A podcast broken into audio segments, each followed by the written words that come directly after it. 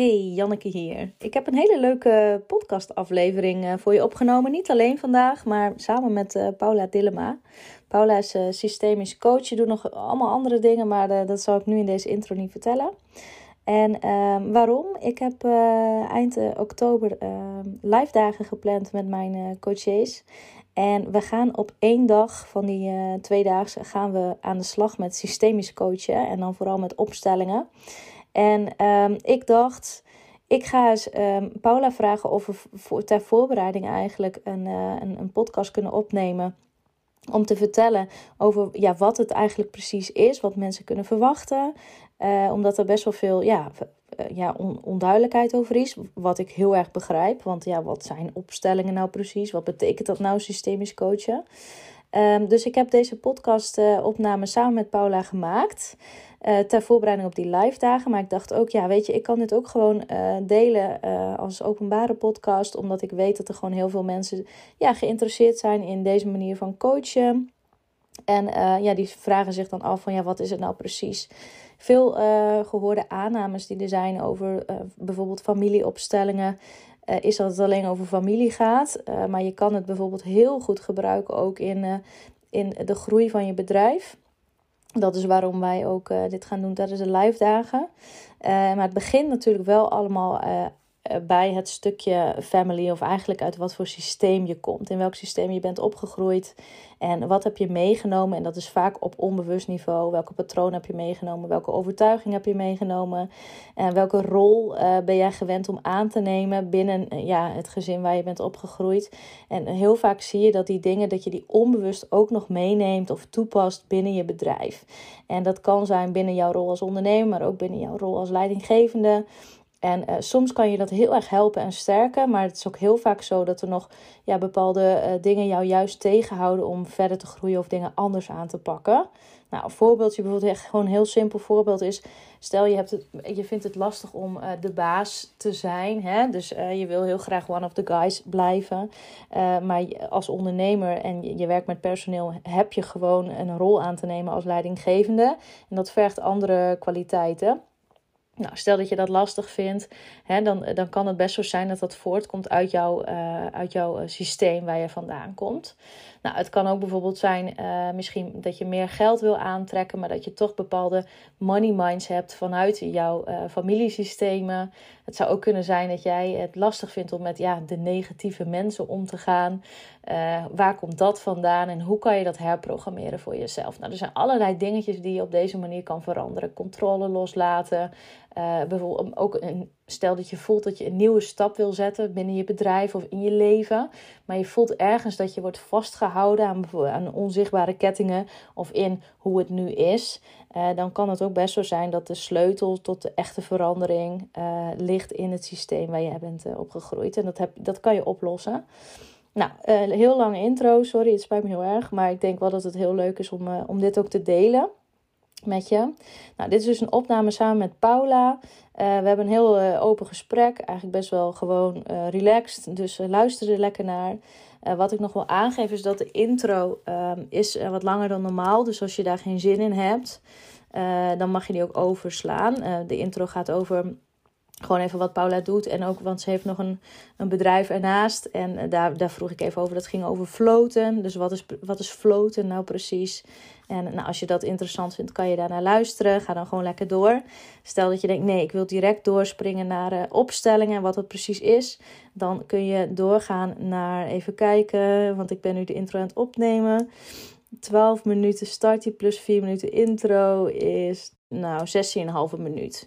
Dus um, je mag gewoon doorspoelen naar 16,5 minuut. Dan beginnen we direct bij uh, familieopstellingen en systemen. Heel veel luisterplezier en tot de volgende.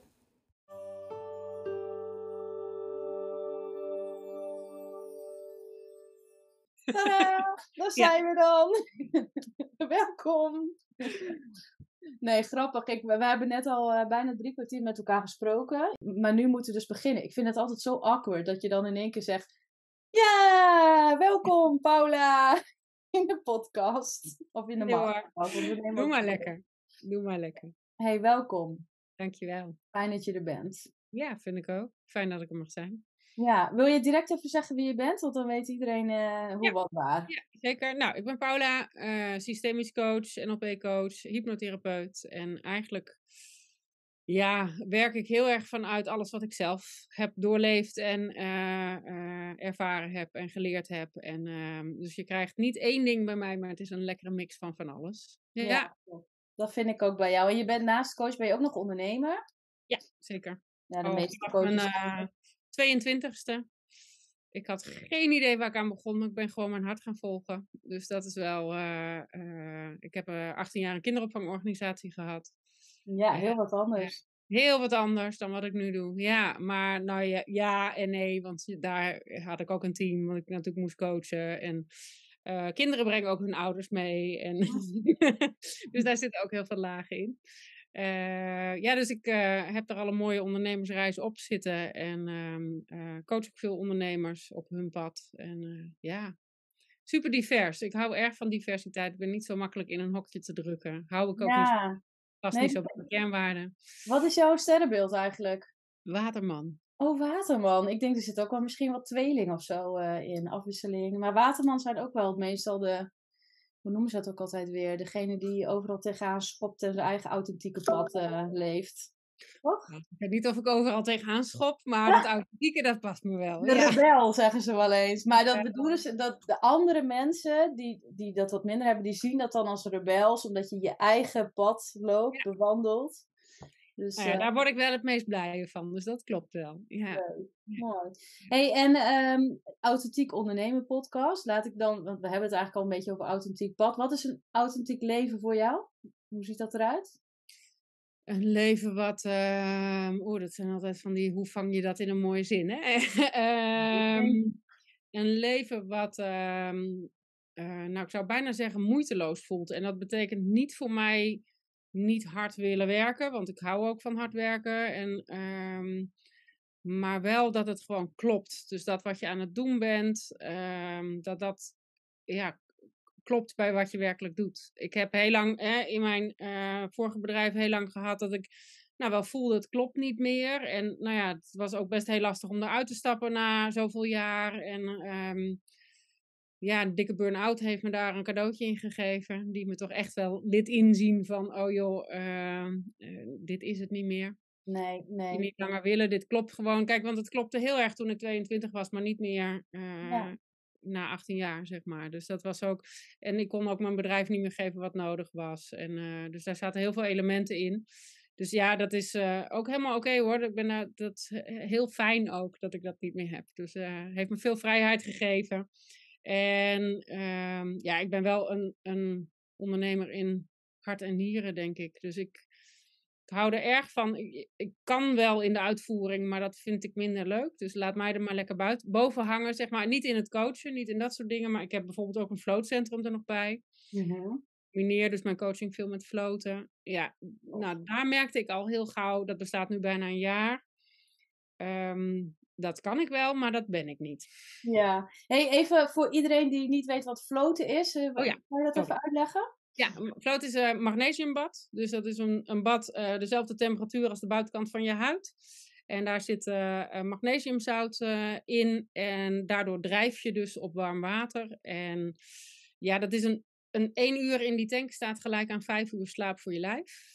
En het is eigenlijk een combinatie van dus een boost voor je systeem maar ook ontprikkeling. Dus um, je hebt een periode wat muziek en ja, jij hebt het al ervaren. um, en dan heb je gewoon eigenlijk uh, uh, ook een, een uh, nou 40 minuten heb je niks. Dus je bent eigenlijk, en dan drijf je dus in dat water en het is donker. Ja, dat klinkt allemaal heel spannend misschien als ik het zo zeg, maar het is wel een hele fijne ervaring. Ja. In een maatschappij waar we altijd aan staan, um, is dat wel uh, nou, nodig, denk ik. Maar de, de combinatie heeft ook, uh, levert ook veel op voor mensen. Hè. We hebben bijvoorbeeld ook best wel veel mensen in een burn-out bijvoorbeeld. Nou, die zijn zwaar overprikkeld. Ja. Die vinden het heerlijk. Het is en wel confronterend, want je kan niet bij jezelf vandaan, zeg maar. Hè. Ja, ja, ja. Ik zal er zo nog even iets over vertellen. Ja. Eigen ervaring. Okay, je had twee ervaringen. Had je. ja. Ja, ja, en dat, is, dat is ook, ligt dus ook aan hoe je in het mat stapt en hoe je je voelt. En, uh, maar, maar er zit ook een... Ehm, nou ja, als je je daaraan over kan geven. Dus de eerste keer is natuurlijk wennen, want dan gaat je brein er van alles van vinden. We zijn niet gewend om aan te, niet, niet aan te staan. Hè? We staan eigenlijk continu aan. En vaak de tweede of de derde keer denken mensen, oh, maar dit, dit is de bedoeling, zeg maar. Zo is het. Oh, juist manier omgaan. Ja, jij hebt hem omgedraaid, ja. ik, had, ik heb het zelf ook gedaan, twee keer nu. En uh, ik, ik heb twee hele verschillende ervaringen Nou, ook weer wel weer gemeenschappelijk hetzelfde. Maar uh, wat ik heel leuk, fijn vond, heel apart vond, is dat je... Ik voelde alsof ik gewoon in de hemel zweefde of zo. Ja, ik ben altijd natuurlijk van de maan en de sterren en uh, dat. Ja, Dus uh, ik, het voelde gewoon alsof ik gewoon zweefde. Ik voelde me helemaal gewichtsloos. Het was ook helemaal donker, vond ik ook niet erg. En uh, ja, ik vond het heel fijn. Echt gewoon even alles de boel de boel laten en aju paraplu. ja. Nou, dat vond ik heel fijn ook wel het moment dat ik dacht, oké, en nu? Ja, ja, dan gaat je kritische brein weer aan. Ja. ja, dus dat moest ik ook even doorheen. Maar ik vond het een hele aparte ervaring. En toen ik eruit stapte, moest ik heel erg wennen aan de zwaartekracht. Ja, klopt. Zo, ik voelde me echt ja, Je bent echt gewichtloos. Ja, je bent echt gewichtloos en uh, je ervaart inderdaad geen zwaartekracht. Dus wij zeggen vaak ook van, joh, als je omhoog gaat, een eh, beetje voorzichtig. Want ja. je lijf denkt ineens, oh ja. Ja, doordat, je, uh, doordat de temperatuur dezelfde uh, temperatuur heeft uit, als de buitenkant van je huid, um, krijgen je hersenen een signaal dat je zweeft. Want dan voel je dus op een gegeven moment het verschil niet meer tussen het water en je huid. Um, en ja, dat is gewoon een hele bijzondere ervaring. Ik vind het ook altijd Um, alsof je gedragen wordt of zo door het water. Ja. Ik vind het ook wel mooi. Uh, ja, ja, dus het heel, dus heel fijn. Klopt. En het is voor heel veel lichamelijke klachten. Topsporters gebruiken het veel voor, voor snel spierherstel. Omdat het magnesium trekt gewoon snel in die spieren. Uh, maar we hebben ook bijvoorbeeld mensen met um, um, uh, hoe heet dat, hersenschuddingen. door de combinatie van die boost voor je lijf, maar ook doordat de verbindingen in je hersenen gewoon sneller aangelegd worden daar weer door. Uh, helpt dat ook daarvoor. Dus we hebben een hele diverse doelgroep. Dus als je die wil definiëren, is die bij ons een beetje ingewikkeld. Ja. Nee, en ik hem dus veel met coaching. Dus mensen ja. komen voor systemisch coaching of voor hypnotherapie. Of, en dan gaan ze daarna um, floten. En niet iedereen hoor, dat hoeft natuurlijk niet, maar dat is wel heel lekker. En dat is eigenlijk dezelfde uh, staat uh, als een hele diepe meditatie, zeg maar. Zo kan je het een beetje zien. Ja. ja, heel mooi. Ja. Ja, ik weet nog, na die eerste keer heb ik ook met jou daarna een uh, gewoon even een gesprekje gehad. En want ik weet nog dat ik toen, ja, dan ga je toch even nadenken over alles. En, uh, ja. en ik vond het heel fijn dat je vanuit rust dan, want ik heb het dan daarna even een gesprek met jou gehad. Ja. En uh, dat je daarna vanuit een bepaalde rust ook keuzes kan maken die dichter bij jezelf liggen. In plaats van dat je ego overal iets van uh, vindt. Ja, en je bent al onthaast of zo. Hè? Dat is ook fijn. Je bent al, die, die, dat go, go, go is er al vanaf. Ja. Dus dat helpt ja. ook. Ja, dus sommige mensen vinden het ook fijn om van tevoren, inderdaad. Ja, dat kan ook. Ja, en wat ik ook heel leuk vond, want dat is dan de tweede keer en dan uh, hou ik erover op. Um, en dat is ook zo met coaching, denk ik, en met heel veel dingen merk ik ook bij mezelf. Dat de tweede keer lukte het niet. Echt, mm. toen appte ik jou nog. Ik zeg, ik ben na 30 minuten of zo ben ik gewoon uitgestapt. Ik dacht, ja. jezus, het lukt me echt niet. Ik ben zo onrustig. De hele tijd. En ik werd ook een beetje zeeziekerig of zo. Dat een beetje dat, dat, dat, nou, ik kwam er niet in. En ik was mezelf zo aan het forceren. Ja. En, en, en dan ga je dus letterlijk in gevecht. Dat ja, ik was zo in gevecht. En ja. eigenlijk, maar nu ik dit zeg, gaat het echt pas landen. Want dit was uh, twee dagen nadat ik geland was in Europa, want ik ben hier nu twee maanden. Ja. En deze twee maanden staat vol met reisjes, activiteiten, trainingen, allemaal dingen. En ja, ik had die week natuurlijk me, me alles weer ingepakt, verhuisd. Ik ben ook uit het huis gegaan op Curaçao. Dus echt helemaal, nou, heel veel gedoe en gereisd. Nou, en dan ga dan maar eens proberen te ontspannen. ja. Dus ik zat er echt niet in. En toen op een gegeven moment dacht ik, ja, dit is een hele erge spiegel. En een dikke vette confrontatie van hoe ik nu innerlijk uh, me voel. Ja. Ik had het zelf nog niet eens zo door. Maar daar werd ik echt even zo bam, werd het op mijn neus gedrukt. En toen dacht ik wel, oké, ik kan hem nu gaan forceren en uh, boos en streng zijn op mezelf. Van nu moet je blijven zitten en dit. En ik dacht, nee, wat ik nodig heb is gewoon eruit. En is ook goed. en ja, dat heb ik ook gedaan toen, dus dat was mooi. En, en ik heb daarna ook, uh, want dat onrustige gevoel bleef eigenlijk, weken. En um, eigenlijk pas sinds vorige week, uh, want ik was dus ook nog de hele tijd, oh ja, het is zo druk en dit en dat en, en ik moet nog dit en ik moet nog dat. Mhm. En ik denk dat heel veel mensen dat herkennen. En zo erg dat ik gewoon helemaal daar zagrijnig van werd en een beetje mem. En ik weet nog dat ik toen dacht, wat heb ik nodig? En elke keer kwam weer rust, rust, rust, rust, rust. Ja. En toen heb ik op een avond gewoon mijn hele agenda afgeblokt. De hele maand oktober. Los van de coachsessies en de dingen die stonden, maar geen nieuwe dingen. Dat is ook een hele dikke vette uitdaging. En Zeker voor je, ja. Twee dagen daarna begon het alweer te stromen. Maar dan een soort van toestemming aan jezelf dat het oké is om even niet. Een soort overgave met dat wat er is. Hè? Dat je niet in gevecht gaat met, met de realiteit wat, je op dat, wat er op dat moment speelt. Ja, ja heel mooi. Ja. Hey, maar we zitten helemaal af te dwalen. Ja, ja, ja. Sorry. Intro. Hey, als iemand nou denkt, uh, dat floten, dat lijkt me wel wat. Waar kunnen ze dan uh, terecht? In Groningen. Ja, Groningen, noorden van uh, Nederland. Ja. hoe heet het? Floten en zo. Goed zo, floten en zo. Uh, suikerterrein zitten wij. Dus misschien voor sommige mensen die Groningen kennen wel een... Ja, bij, uh, het, hoe heet dat? Suikerterrein of suiker... Suikerterrein, ja. Ja, Suikerunie, ja. Oké, leuk. Nou, hey, maar naast dat floten doe, ben jij dus coach. Je doet van allerlei dingen. Maar ik ken jou dus ook echt als een systemisch coach. Ja. En dat gaan we vandaag een beetje uitlichten. Ja. Um, waarom?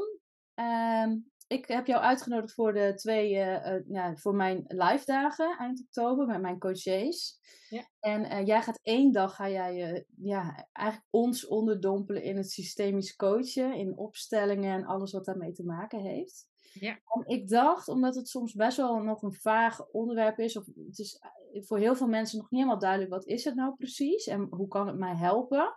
Ja. In privé, maar ook in, in de groei van mijn bedrijf dacht, laten we gewoon een podcast opnemen. En dan uh, die ja. denkt, nee, ik vind het interessant, die kan lekker meeluisteren. Ja. En, nou ja, eh, dat is best, um, dat is ook de uitdaging van het systemisch werk, om dat goed uit te leggen. Want het is eigenlijk iets wat je uh, moet ervaren. Zo is het wel. Natuurlijk, ik probeer hem altijd zo plat mogelijk uit te leggen. Um, maar het, het beste werkt om het gewoon uit te proberen en om gewoon um, nou, dat voor jezelf te onderzoeken. Uh, ik begin vaak met het uitleggen uh, vanuit een familiesysteem. Hè. We zijn allemaal, eigenlijk alles waar we in zitten is een systeem. Dus jouw familiesysteem waar je in geboren bent, maar ook jouw werkomgeving, jouw sportclub, jouw vriendenclub. Nou, maakt niet uit. Alles waar je zit um, is een systeem. En um, het is interessant om te onderzoeken welke plek neem jij daarin in. En dat is dus ook met je bedrijf. Mm-hmm. En uh, nou ja, wij hebben het daar natuurlijk ter voorbereiding al samen wat over gehad. Van joh, ja, jeetje, wat is nou da daar de overlap in? Nou, je kunt ook organisatieopstellingen doen. Um, hè, dan ga je dus heel erg uh, de systemen zeg maar, in, uh, in een bedrijf onderzoeken. Mm-hmm. Maar iedereen in dat bedrijf neemt ook een familiesysteem met zich mee. Uh, want ja. je bent onlosmakelijk verbonden. Hè? En hier kun je dagen over vertellen. Dat gaan we dan nu niet doen. Maar... En wat, het, ik ga je direct even een soort van uh, kutten. Uh, kutten, lekker onderwerp, maar dat is Engels voor knippen. Ha.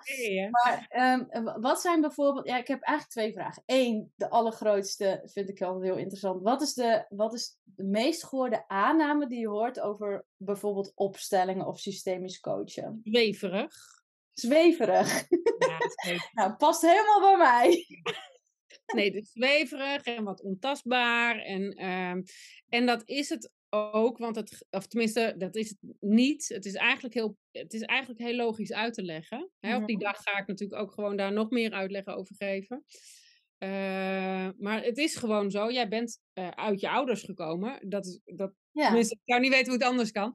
Uh, en die zijn ook weer uit ouders gekomen. Die zijn weer uit ouders gekomen. Ik doe zo, ehm, achteruit voor de mensen die niet de, beeldopname ja. erbij zien. We nemen een beeld op en in geluid. Ja, precies. Dus, ja, Paula doet nu een soort van achter, achter je. Ja, ja, ja, en zo leg ik het ook vaak uit. Van, hè, achter jou staan je ouders en achter hun staan ook weer hun ouders en daarachter weer de ouders. Dus het is eigenlijk een soort van piramide waar jij voorop staat. En natuurlijk, broers en zussen horen daar, uh, daarnaast, zeg maar. En als je zelf kinderen krijgt, dan bouw je eigenlijk die piramide dus um, verder naar voren. Ja. Um, nou ja, iedereen in een bedrijf heeft dus zo'n familiesysteem achter zich staan. Iedereen in jouw vriendengroep heeft dat ook. Dus daarom zit daar ook, zitten daar veel patronen in um, die je zou kunnen herkennen vanuit welke rol jij gepakt of gekregen hebt, zeg maar, in je systeem, die je nu ook als ondernemer bijvoorbeeld doet. Ja, dus even praktisch, als ik uh, naar mezelf kijk. Ja. ja. Als ik naar mezelf kijk, wat ik heel erg uh, ja, bewust van ben geworden, is dat uh, ik ben als ondernemer, denk ik, eh, best wel een Einzelganger. Mm um, dus ik heb ook overtuigingen van, uh, ik kan het wel alleen, ik heb niemand nodig. Uh, er zitten allemaal dingetjes bij. Ja. En een heel groot deel is natuurlijk ontstaan in mijn, in mijn jeugd, in mijn opvoeding, in ja, hoeveel broers en zussen heb ik? Ik heb twee broertjes trouwens, dus ik ben het enige meisje.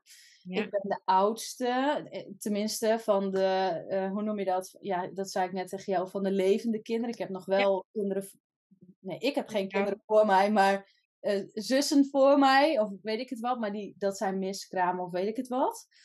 En ja, en die gaan we zo nog wat over zeggen, want die zijn wel erg belangrijk namelijk. Ja, ja, die zijn heel belangrijk, maar daar ga ik zo eventjes op doorvragen. Dus, maar ik ben zeg maar van de li living child, ben ja. ik de eerste. Dus ja. ik voel ook een bepaalde druk, denk ik, van ik moet, ik, ja, ik ben de eerste die het moet uitzoeken. Er is niemand voor mij of geweest die, het, die mij het heeft aangeleerd. Dus, en dat merk ik dus in het ondernemen ook. Dat ik eigenlijk die, die dingen meeneem. Dat ik diezelfde rol aanneem in het nu. Van oké, ik moet het zelf uitzoeken. Ik, ik heb geen hulp nodig. Of weet je dat. Dus het is voor mij heel moeilijk om dan.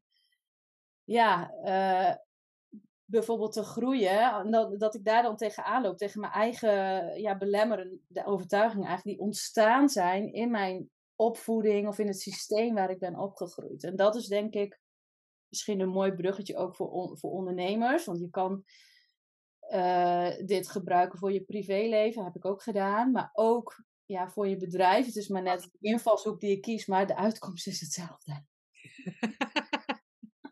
Ja, ja, en er zitten natuurlijk in organisaties heb je wel met andere mensen ook te maken met andere systemen. Kijk, in, je, in, jouw, um, in jouw eigen systeem uh, horen ze bij hetzelfde systeem. Hè? Dus jouw, jouw broers uh, zijn natuurlijk andere mensen, maar hebben wel dezelfde ouders en uh, als het volle broers zijn. Hè? Maar, en dezelfde ja. opa's en oma's.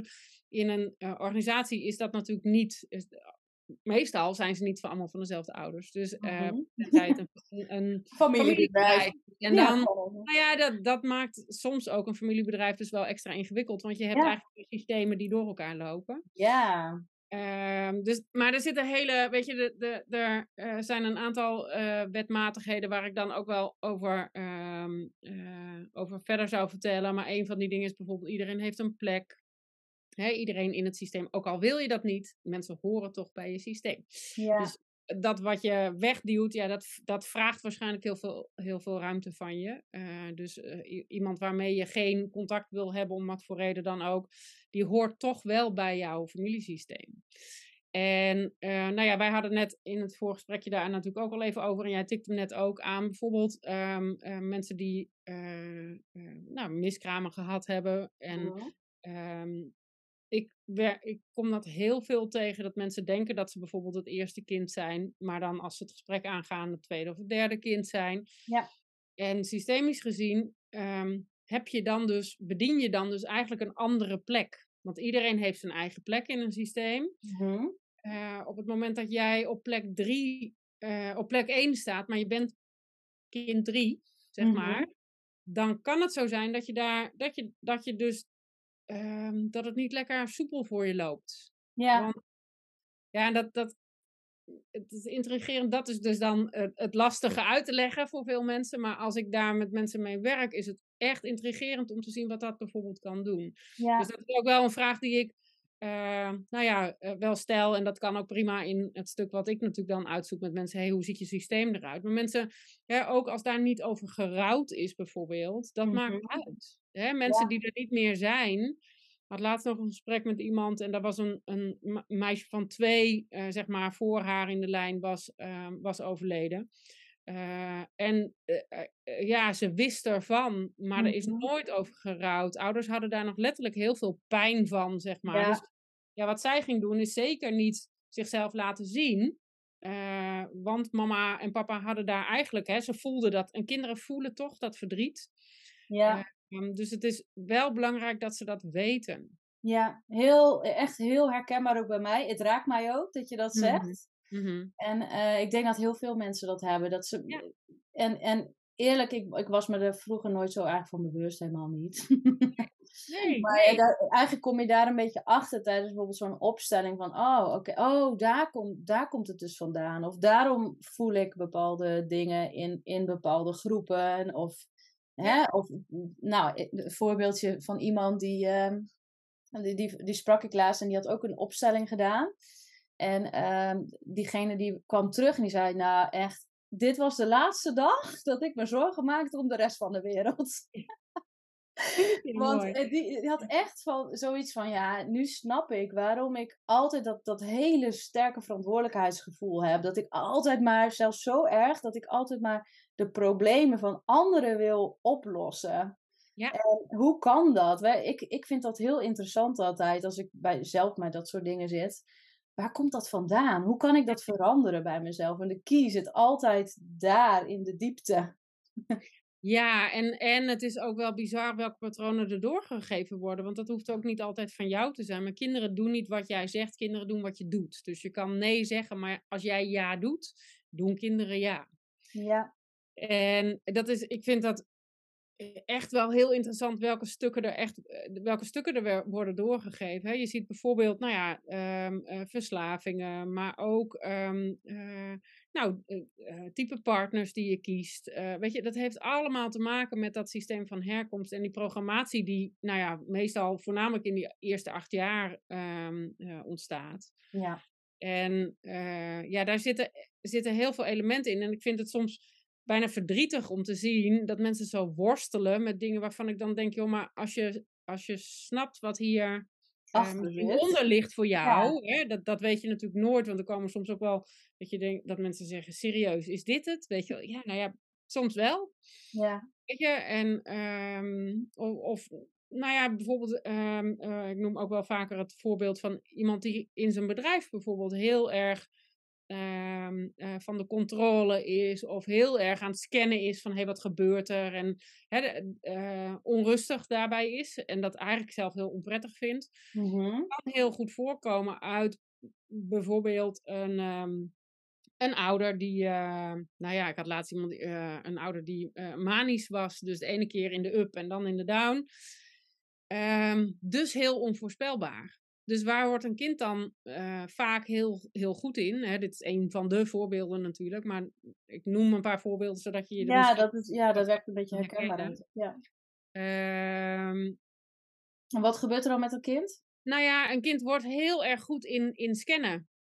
Dus die wordt, en is het veilig? Is het niet veilig? Is het, weet je, dus die worden vaak, die kunnen goed uitzoomen, die, die scannen gewoon de hele dag door. hey, is het, is het oké? Weet je, mag Ja. ik mijn ruimte innemen of niet? Of, ehm, dus als je het lastig vindt om, eh, eh, nou ja, de baas te zijn in een bedrijf, wat natuurlijk Mhm. voor heel veel mensen best wel een lastig, herken ik ook van mezelf. Ik was one of the guys, zeg maar, nou, of the Mhm. girls voornamelijk. Maar, en dat wilde ik ook wel graag zo houden, want dat was voor mij, eh, als je kijkt naar mijn systeem, nou, altijd met de verbinding bezig en de harmonie en de, weet je wel. Dus eh, ja, daar zitten dan heel veel raakvlakken in. Ja, interessant. Hey, en zie jij ook, dat bedenk ik me nu, zie jij ook ehm, ja, verschillen in mensen die eh, ouders hebben die al ondernemer waren of zijn? Zeg maar de kinderen van mensen met een eigen bedrijf en niet? Ja, kan. Ja, dat, nou ja, kijk, in ieder geval de support daarin is natuurlijk belangrijk. Hè? Kijk, ehm, eh, ik was 22 en mijn ouders die hebben me echt wel even aangekeken met serieus, uh, wat ga je doen? Maar tegelijkertijd ben ik ook heel erg opgevoed met, joh, je hebt twee handen, je komt altijd wel weer aan werk. Dus weet je, ehm, wij hadden heel groot op onze, en, en nou moet ik wel zeggen dat ehm, eh, geld hebben en zo was echt wel een ding bij ons in, in de familie hoor. Vanuit mijn beide familiesystemen op een totaal andere manier. Um, maar dat was wel, daar heb ik hele mooie gesprekken met mijn ouders over kunnen hebben. Nou weet ik dat ik daar geluk mee heb, dat kan niet iedereen. Ja. Um, maar zij zijn daar wel heel ontvankelijk voor. Maar wij hadden altijd een spreuk van loesje op de wc hangen. Um, risico's, niet zo leuk, uh, of niet zo goed voor je portemonnee, maar wel voor een goed leven of zo, nou, zoiets, weet je Zo'n soort, ik zal hem er nog eens bij zoeken. Oftewel, risico's kosten geld of zo. Nou ja, ja, zo van, nou ja, weet je, niet altijd, dat is dus niet, levert niet altijd op, maar ja, je hebt wel plezier, weet je, dat soort. Ja, ja, ja. En als ik naar mijn ouders kijk, dan is dat ook gewoon wel hoe ze leven. Dus dat is, um, kijk, en je hoeft natuurlijk niet altijd ouders te hebben die ondernemers zijn. Uh, maar het is wel makkelijker misschien om dan um, uh, nou, je gesteund te voelen. Als ze snappen ja, dat zou kunnen, ja. Nou, ik, vind het wel, ik ben ook niet opgegroeid met uh, ondernemende ouders. Um, en dat vind ik helemaal niet erg. Um, en ik heb je dat... kunt ook ondernemend zijn in een, ba in een baan natuurlijk. Hè? Ja, ja mijn ouders die een bedrijf hebben, laat ik het zo zeggen. Um, dus eigenlijk heb ik ook nooit ja, in dat wereldje gezeten, zeg maar. En, maar ik zie wel twee dingen. Wat, wat ik heel erg heb herkend, is dat ik een paar jaar geleden dacht ik, oké, ik wil groeien met mijn bedrijf en ik moet daarvoor, of ik moet, ik wil daarvoor meer geld uh, verdienen. Maar ik weet dat er echt bij mij een overtuiging zit rondom geld. Dat is echt een ding. Dus, en ik weet ook dat heel veel dingen, die, die overtuiging die ik had, die kwamen vanuit uh, familiesystemen. Dus uh, ja, weet je, uh, dit is het geld wat je verdient. je moet ja, gewoon van 9 tot 5 werken. Ehm, ik weet ook nog een keer toen ik, ehm, ja, dat was in 2017, toen ik stopte bij mijn loondienstbaan bij de Rabobank. Ik weet nog dat mijn vader toen zei, dat vergeet ik nooit meer. En papa, als je luistert, ik hou nog steeds van je. Maar papa zei toen, uh, ja, maar dat is, dan krijg je een gat in je cv. Dat vond hij heel wow. Dat doe je toch niet? Je bent 27 jaar. En ik dacht echt, oh my god, wat doe ik nou weer? Weet je wel? Ja. En uh, heel fijn, ik weet nog heel goed dat ik toen dat heb besproken met mijn bankdirecteur. Dat was toen mijn leidinggevende. En die zei, Janneke, ik zou, als, jij, als jouw hele reis mislukt of zo, je gaat emigreren en al die dingen.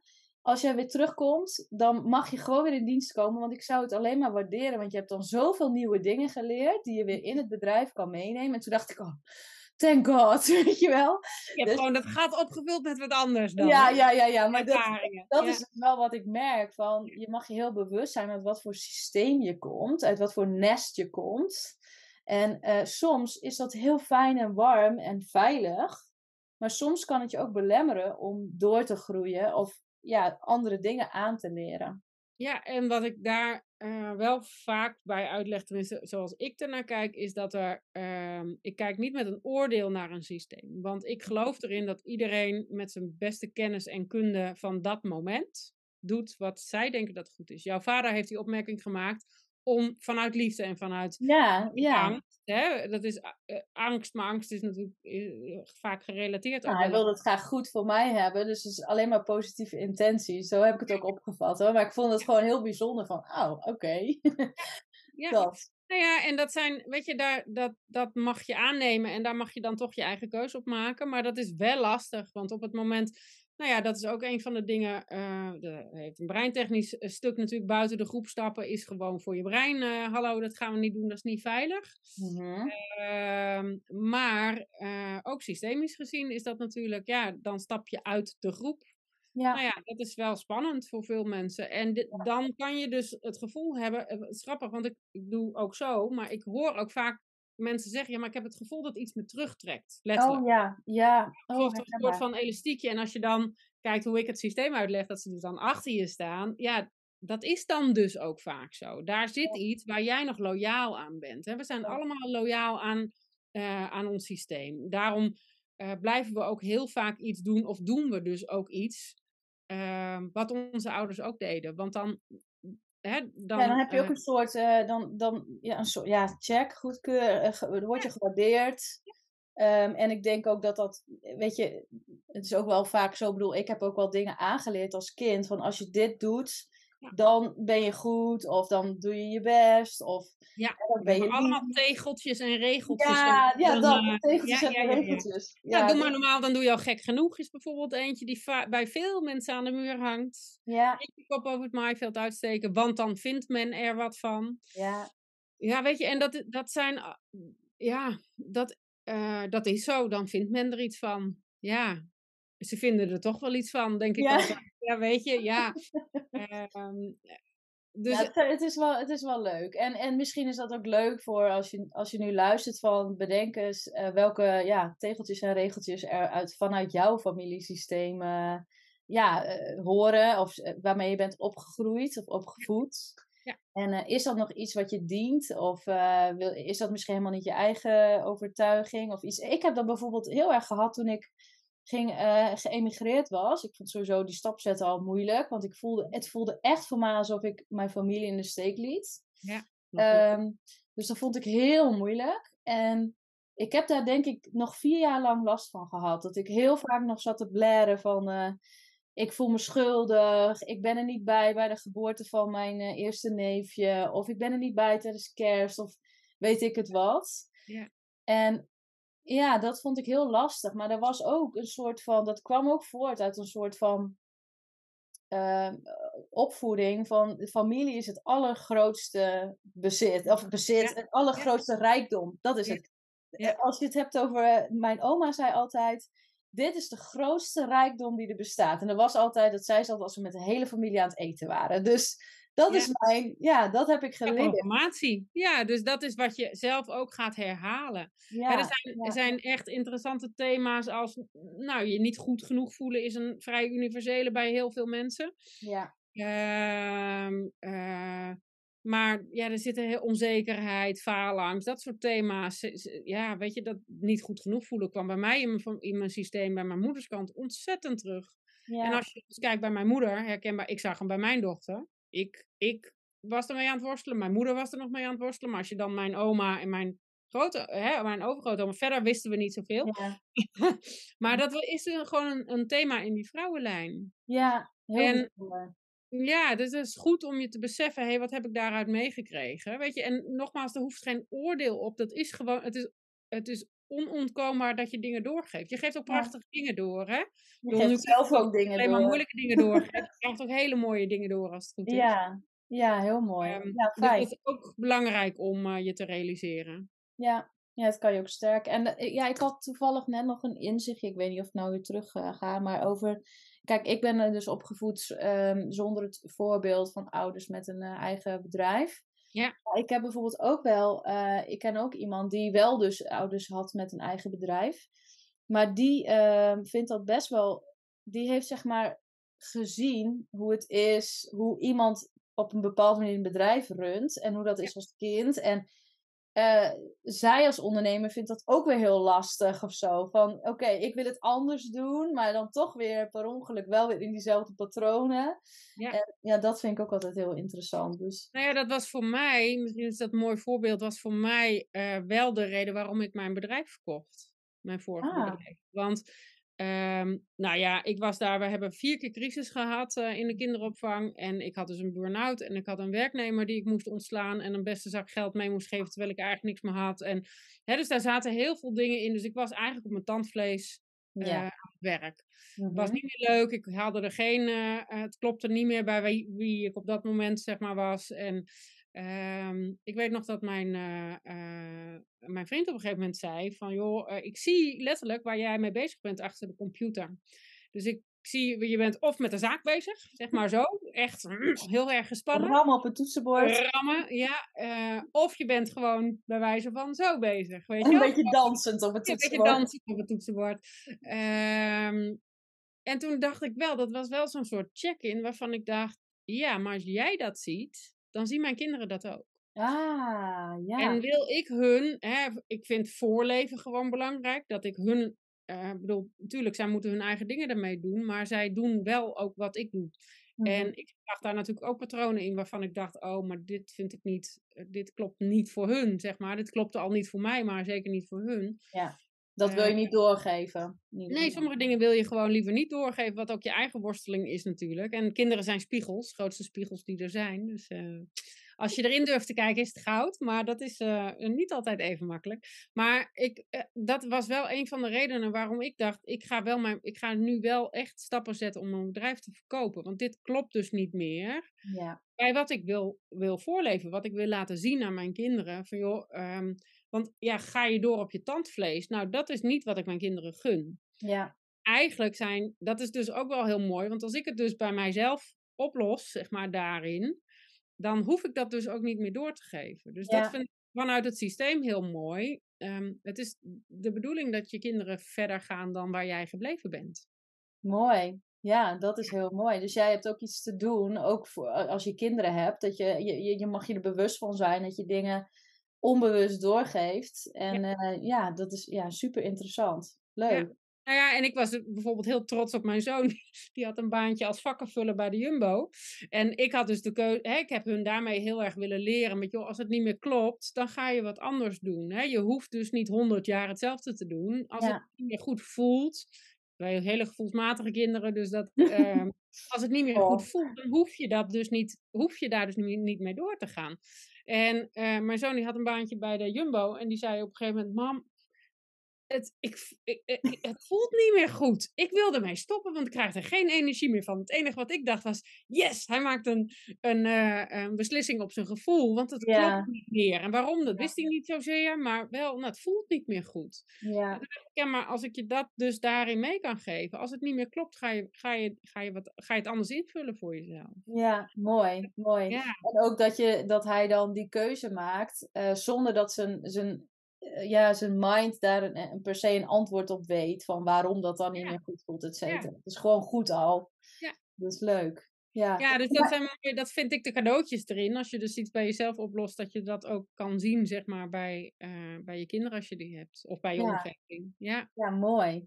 hey, maar jij bent nu wel weer ondernemer, dus wat, wat doe je dan nu anders in je bestaande onderneming dan wat je daarvoor deed? Ehm, nou ja, ik doe nu eigenlijk alles wat ik leuk vind. Ehm, nou, weet je, diversiteit is denk ik iets wat, wat ik belangrijk vind. Ik vind het niet leuk om van 9 tot 5 eh, elke dag hetzelfde te doen. En dat vind ik het mooie in eh type coachen, eh, wat ik ook doe, hè, het systemische stuk, maar ook de hypnotherapie. En het is, het is altijd anders. Er is namelijk geen, geen mens en geen systeem hetzelfde. Ehm, dus ik werk ook heel erg vanuit intuïtie. En ehm, ik moest in de kinderopvang veel meer vanuit regeltjes gaan leven op een gegeven moment. In het begin niet, maar ja, we werden echt doodgegooid met nieuwe wetten en regels. Nou ja, dat voelt voor mij dus heel erg in een hokje gedrukt te worden. Ja, waterman. dan wordt hij een beetje boos. Daar word ik eh, niet zo heel erg blij van. Dus, ehm, dat, ja, dus het, het voor mezelf dus ook zo goed organiseren. Dat het floten draai ik bijvoorbeeld ja, in nood. Of als, weet je, als het niet anders kan.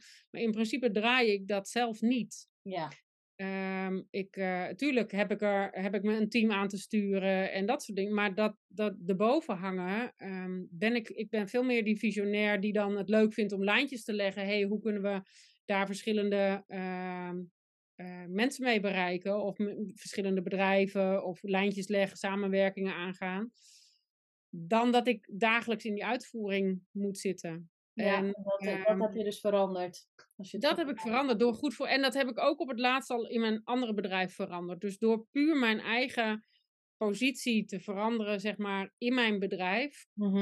Een andere rol aannemen.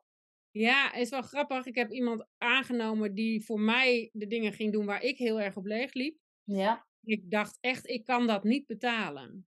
Maar Ja. ik kan het ook niet niet doen, want ik hou het niet meer vol. En ik weet nog dat mijn boekhouder of mijn accountant ging weg. En die heb ik nog een keer later koffie meegedronken om eh, even bij te kletsen. En eh, eh, die ging weg bij het bedrijf waar die zat. En die zei, hey, hoe is dat jaar eigenlijk afgelopen? Want die was halverwege het jaar weggegaan. Toen zei ik, nou, zo en zo. Toen zei hij, maar dat is je beste jaar ooit. Hoe dan? dat was voor mij zo'n mooie bevestiging. Dat, dat mijn plek klopte dus niet meer. Dus de energie lekte letterlijk daar weg. Bij Ja. mij, maar dus ook om me heen. ja, Op het moment dat ik mijn plek veranderde, klopte er weer veel meer voor mij. En ging er dus weer, kon ik er boven hangen. Ja. En was er dus veel meer, ja, letterlijk energie, maar kwam er dus ook financieel gewoon weer na vier keer crisis uh, Ja. weer, weer binnen. Mooi. Ja, Ja. Heel, heel cool. Dat vind ik ook Ja. leuk. Ik, ik, ik heb dat in zichzelf ook gehad, want dit jaar is ook eh, nog weer beter geweest dan vorig jaar. En ik weet zeker dat een van de dingen is dus dat ik mijn, echt mijn rol ben gaan veranderen. Eén binnen mijn bedrijf, en door taken gewoon uit te besteden waar ik inderdaad ook een lek op had. Ja. Eh, maar ook wel eh, de rol, mijn rol als coach. Dat ik meer nog in die coachrol ging zitten van... hey, we moeten samen tot een resultaat komen. En jij moet ook heel hard werken. Want ik ga je niet eh, Ja. Aan een dood paard lopen sleuren. Nee. Om het maar even zo te zeggen. Nee. En, en dat was ook wel confronterend voor sommige mensen. Maar daar zat wel de, de meeste groei. Voor ook mijn coaches. Dus da daarin eh, ben ik wel, daar ben ik wel heel trots op. Dat ik ook door mijn rol te veranderen... dat er Ja. in één keer ook aan de, ja, aan de omzetkant dingen veranderden. Ja. Dus, eh, en Ja, maar dat is, dat, rust. ja, maar dat is in alles natuurlijk. Ik bedoel, het is allemaal, die energie verandert gewoon bij jou. Dus per definitie ook de, zichtbaar in dat soort dingen. Ja, mooi. Ja, ja dus dat, dat, het heeft gewoon invloed op heel veel eh, dingen. En het vraagt wel dat je heel erg eerlijk naar jezelf durft te zijn. Ja, Eh, ik vond dat heel ingewikkeld, dat ik dacht, ja, maar ik kan daar toch niet iemand opzetten. En wat vindt iedereen ervan? Blablabla, allemaal die stemmetjes op je schouders. Dat je denkt, ja, hallo. eh, maar ik kon het ook niet meer wel doen, zeg maar. Nee. En met dat floatcentrum heb ik dat... In het begin natuurlijk zet je dat even zelf op, maar al heel snel gevoeld, oh, maar dit moet ik dus niet dagelijks doen. nee, nee, nee. nee want Dan gaat het dus ook niet lopen. Ik ben er ook van overtuigd dat het dan niet lekker gaat lopen. En nu kan ik er boven hangen en heb ik gewoon een team die daar met, met hart en ziel eh, zijn ding staat te doen. En ehm, ja, dan kan ik hun daarin ondersteunen. Maar op het moment dat mijn lek daar zit, eh, dan ga ik ook niet hun geven wat zij nodig hebben daarin. Nee, nee, nee, dat klopt. Dat is ook zo. Oké. Hey, je zei net nog, en dan gaan we wel richting afronding. Ja. Je zei net nog, eh, eh, je zei wel iets moois van als je eerlijk naar jezelf durft te kijken en te zijn. Ja. En dat is er nog wel wat ik soms merk, ook zeker bij opstellingen, denk ik. Want ik, praat, ik ben er zelf heel erg fan van, dus ik praat er ook heel veel over. Ik doe het Ja. zelf ook op Curaçao. En, want als ik dan bijvoorbeeld een vraagstuk heb van, hé, hey, ik eh, merk dat ik mezelf belemmer in iets. En waar zit hem dat precies? Ik kom nog wel tot een bepaald punt, ook omdat ik ben ook NLP, dus ik kan mezelf aardig wel Ja. eh, vragen stellen. Ja, je hebt Maar ook op een altijd gegeven die blinde vlekken. Ja, maar op een gegeven moment merk ik dus wel, ja, en nu moet ik wel even, ik heb hulp nodig, want Ja. ik, ik, ik moet door iets heen en dat vind ik niet fijn. Dus, nou, dat. Dus, eh, ehm, en, en ik moet ook eerlijk zeggen, ik vind opstellingen echt doodvermoeiend soms, omdat het echt een dikke vette confrontatie is met jezelf. En ja, je moet ook gewoon hard werken. Het is niet gewoon eh, leuk eh, kijken en eh, aardig doen, zeker niet. Nee. Maar ik, ik hoor ook vaak mensen die zeggen: Ja, maar oh, ik heb echt geen. Ik wilde echt niet hoor. Ik wil niet dat allemaal oprakelen of de beerput open halen, hoor ik ook wel vaak.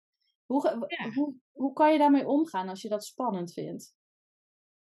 Ehm, nou ja, weet je wat, wat ik je dan aanraad is om niet gelijk. Je, hè, je kunt ook met een groep opstellingen doen. Je kunt Mhm. natuurlijk één op één. Ik werk dan wel met mensen samen, zeg maar één op één. Dan is het, gaat het echt meer over hun, zeg maar. Sommige mensen vinden dat misschien nog wel spannender. Ehm, en je kunt ook met een groep opstellingen doen. Ehm, als je daarvoor kiest, dan zou ik je aanraden om een keer eerst als representant te gaan. Dan kan je, kan je wel ingezet worden, zeg maar, voor een vraagstuk. Maar dan gaat het niet per definitie over het podium. wel. Er altijd ja. dingen in zitten die ook. Je wordt nooit zomaar voor een plek gekozen, bijvoorbeeld. Daar zit ook altijd een eigen stukje in. Ehm, maar dan hoef je niet gelijk jouw vraag in te brengen. Dus dat Ja. zou, je, zou je kunnen doen. Niet open en bloot iets zo op tafel te gooien, maar meer als figurant. En dan, Ja. Het is net als dat je, nou ja, even, ik weet niet hoor, maar een soort vergelijk. Je kijkt naar een toneelstuk en eh, er gebeurt iets op dat podium en je denkt, oh fuck, dit gaat ook over mij. Ja. Hier heb ik ook dingen te leren. Dus dat is, de, de veiligheid van een groep is dan fijn dat je dat kan doen. Maar even, sorry hoor dat ik zo ver doorvraag, maar dat hoor ik namelijk ook heel vaak. Ja, zo'n opstelling, is dat dan met poppetjes of met mensen? En wat is dan, allemaal. gaat dat? Wat, wat doe je dan? Stel dat ik nu een groep, we gaan bij de live dagen ook eh, met een groep doen, Ja. allerlei oefeningen. Maar er is dus één persoon komt met een soort vraagstuk, kan hè? Kan, ja. En dan de andere mensen staan representant voor het systeem waar het over gaat. Zeg ik dat dan goed? Ja, dus eigenlijk maak je visueel, uh, of dat nou met poppetjes is, of je doet het met vloerankers, of je doet het gewoon met mensen, zeg maar.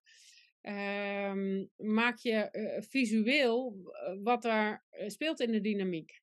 Ja. Dat is eigenlijk wat het is. En um, ja, wat het ontastbare voor veel mensen is, is dat je, uh, je stapt letterlijk, zeg maar, in het systeem van de ander. Dus daar um, kun je ook gewoon echt dingen van voelen, zeg maar. Ja. En daar denken mensen heel vaak, huh, wat is dit voor spiriwiri gebeuren?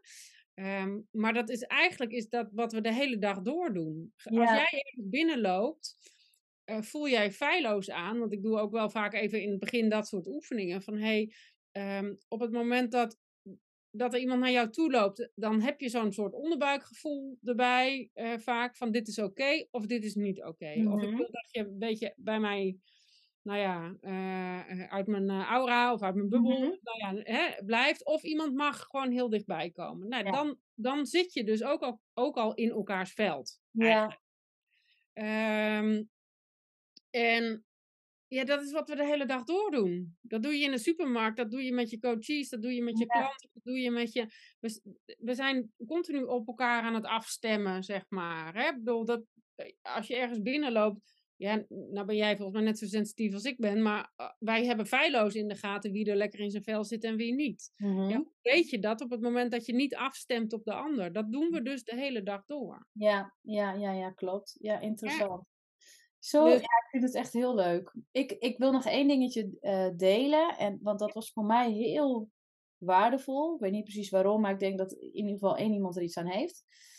Uh, mijn eerste opstelling was, uh, dat ging over privé eigenlijk, over mijn, ja, mijn rol binnen het gezin. Ik was gewoon heel nieuwsgierig wat ik daaruit kon leren eigenlijk. Ik had niet echt per se een, een casus of zo. Um, en wat er dan gebeurde was, en uh, ik deed dit dan één op één, zoals met de, de vloerankers. Dus een vloeranker, dat is ook weer zo'n moeilijk woord, maar dat is gewoon een, bijvoorbeeld een papier, papier op de grond. Ja. Een papier op de grond waarop staat papa. En ja. een papiertje met mama. En bij mij dan hè, broertjes, et cetera. En dat mocht ik dus op de grond zelf neerleggen. En nou, ga maar staan waar jij dan staat in dit systeem. Nou, oké, okay, dus ik leg dat zo neer. Ja, en dat is al zo confronterend. Dat, ja, het, het, is zo simpel eigenlijk. Maar gewoon dat je, dat je ziet waar staan je ouders ten opzichte van jou. Waar sta jij ten opzichte van jouw gezin, familie. En waar wil je graag staan. En wie kijkt wie aan. En uh, nou, ik stond dus heel erg op mijn moeder gericht. Gewoon ja. echt volle bak schijnwerpers op mijn moeder. En terwijl de rest negeerde ik een beetje. De mannen, zeg maar. Mijn vader en mijn broertjes. En dat vond ik zo confronterend, want ik vond altijd, vanuit mijn beleving, mijn moeder is veel met mij bezig. En ja, ik ook wel. Ik zei het dus vroeger altijd al. Oh, ik ga naar mijn moeder. En dan zeiden heel vaak mensen, jouw vader dan? Zijn ze gescheiden? Oh nee, nee, mijn vader is ook gewoon daar. Maar ik was altijd met mijn moeder. Weet je, mijn moeder en ik hebben een soort van lijn met elkaar. Een soort van banden die zo sterk zijn. Maar daardoor kwam ik er dus achter van, wow, ik, ik mag ook wel eens een keer me omdraaien naar de rest kijken. Of gewoon iedereen in de kring zetten. Iedereen heeft een. En dat vond ik, zo, dat vond ik echt ongelooflijk. Wat een inzicht kreeg ik daarvan. Ja, maar dat is dus, weet je, um, kijk, eigenlijk wat je doet met, met vloerankers is een, een, een, een, dat zijn allemaal stukjes ook van jou, hè, van, ook vanuit jouw perspectief bekeken. Ja. Want jij legt die vader of die moeder daar ergens neer, hè. Zij het zouden neerleggen, zou het heel anders kunnen zijn, bijvoorbeeld. Ja. En mijn zus en ik zijn alle twee in hetzelfde uh, systeem opgegroeid. En toch hebben we het heel anders beleefd. Dus het gaat altijd vanuit jouw perspectief. Maar dus eigenlijk wat je doet is een soort van op bezoek gaan bij die verschillende stukjes van jouzelf. Ja. En uh, ja, wat ik ook heel leuk vind, is dat je met ondernemers kan je dus ook een team opstellen. Maar ook ja. hun bedrijf aan zich, je aanbod, um, ja. ideale klanten. Dat hebben wij ook een keer gedaan, hè? Samen via Zoom. Dat ging over de... Waar ging dat nou over? Ja, dat ging over dat jij die, het voelde als twee, twee bedrijven. En jij wilde Ja. dat aanbod ook. Jij wilde Ja. eigenlijk dat verenigen, maar je had geen idee hoe. Ja, toen was ik in de, in de transitie van de nieuwe marketeer. hè, de social media training en naar coach. En, en ik, in mijn hoofd kon ik het gewoon niet plannen. Ik had echt error in mijn hoofd.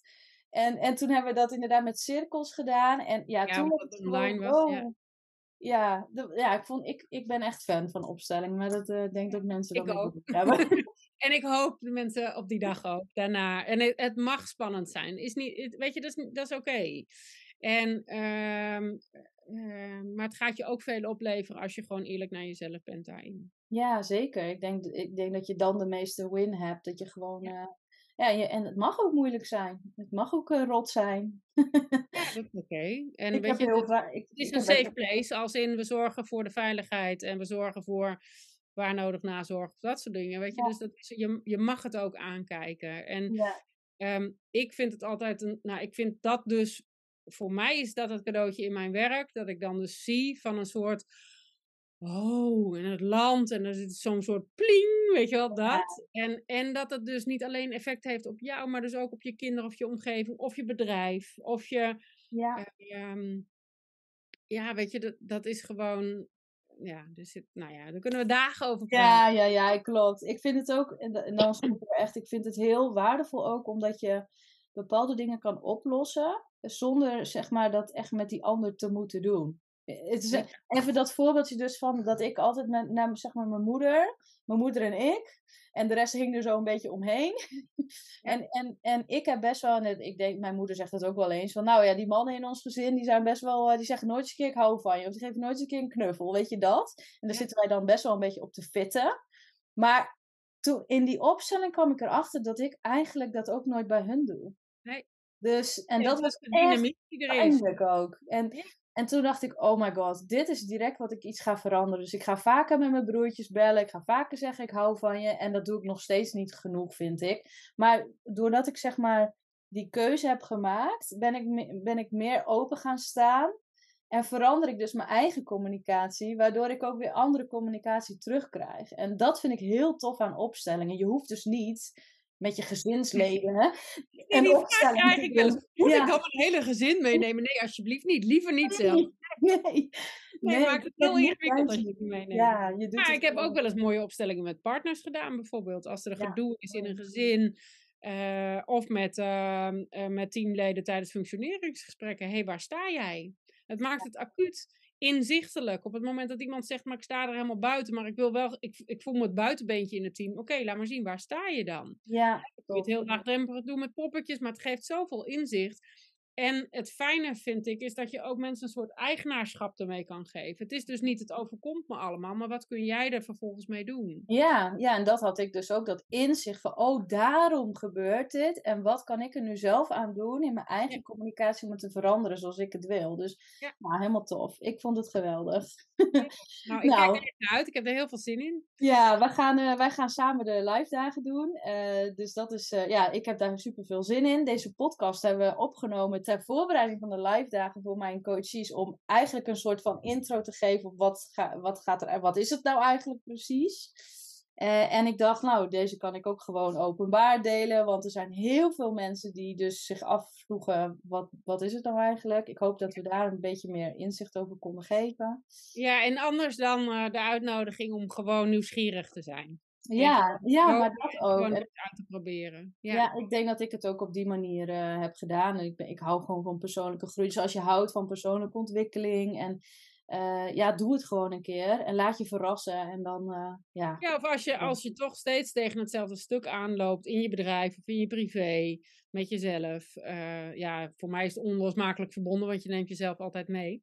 ja. Ehm, maar ehm, het is in ieder geval het onderzoeken waard. Kun je er Ja. niks mee, is ook helemaal goed natuurlijk, maar het is wel, er zitten gewoon vaak wel inzichten in waardoor er gewoon heel veel kan veranderen. Dus ben je daaraan toe, dan raad ik je aan om dat gewoon echt eens een keer te gaan onderzoeken. ja, mooi. Tof. Leuk. Nou, Paula, heel erg bedankt voor je tijd, ook? uitleg. En Ja. eh, ik zie jou tijdens de live dagen. Heel veel zin in. Tot gauw. Doei.